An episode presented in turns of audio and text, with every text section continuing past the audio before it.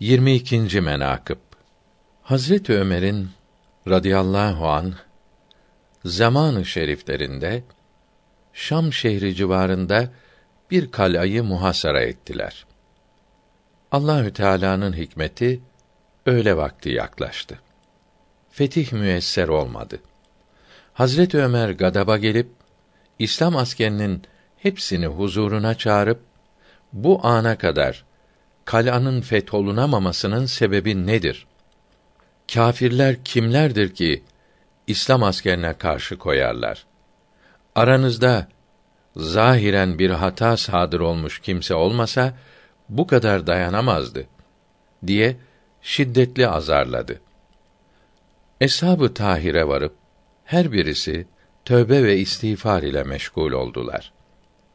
O esnada eshab-ı güzinden birisi ağlayarak Hazret Ömer'in radıyallahu teâlâ an huzurlarına gelip dedi ki: Ya emîrel müminin bu gece teheccüde kalktığım vakt karanlık olduğundan misvakımı arayıp bulamadım. Misvaksız namaz kıldım. Var ise benim hatamdandır. Hazret Ömer radıyallahu teâlâ anh buyurdu ki, tövbe ve istiğfara devam eyle. Bir saat geçmeden kal'a oldu.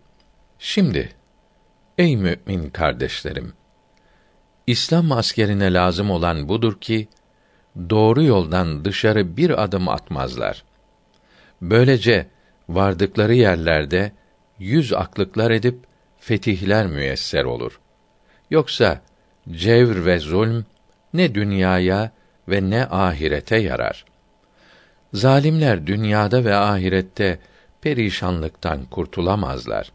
Hatta nice muteber kitaplarda meşayih-i izam rivayet buyurmuşlardır. Bir asker zulm üzerine olsa Allahü Tebareke ve Teala muharebe safında düşmanla karşılaşınca o zalim askerin kalbine vehm ve korku verip düşman üzerine galebe etmeden firar eder. Cenk etmeye asla iktidarı olmaz. Bazı meşayih rivayet etmiştir ki zulm muharebe mahallinde bir kerih şekle girip hemen muharebeye başlanınca zalimlerin gözlerine korkulu görünüp savaşmaya mecalleri kalmayıp firara başlarlar. Allahü Teala alimdir.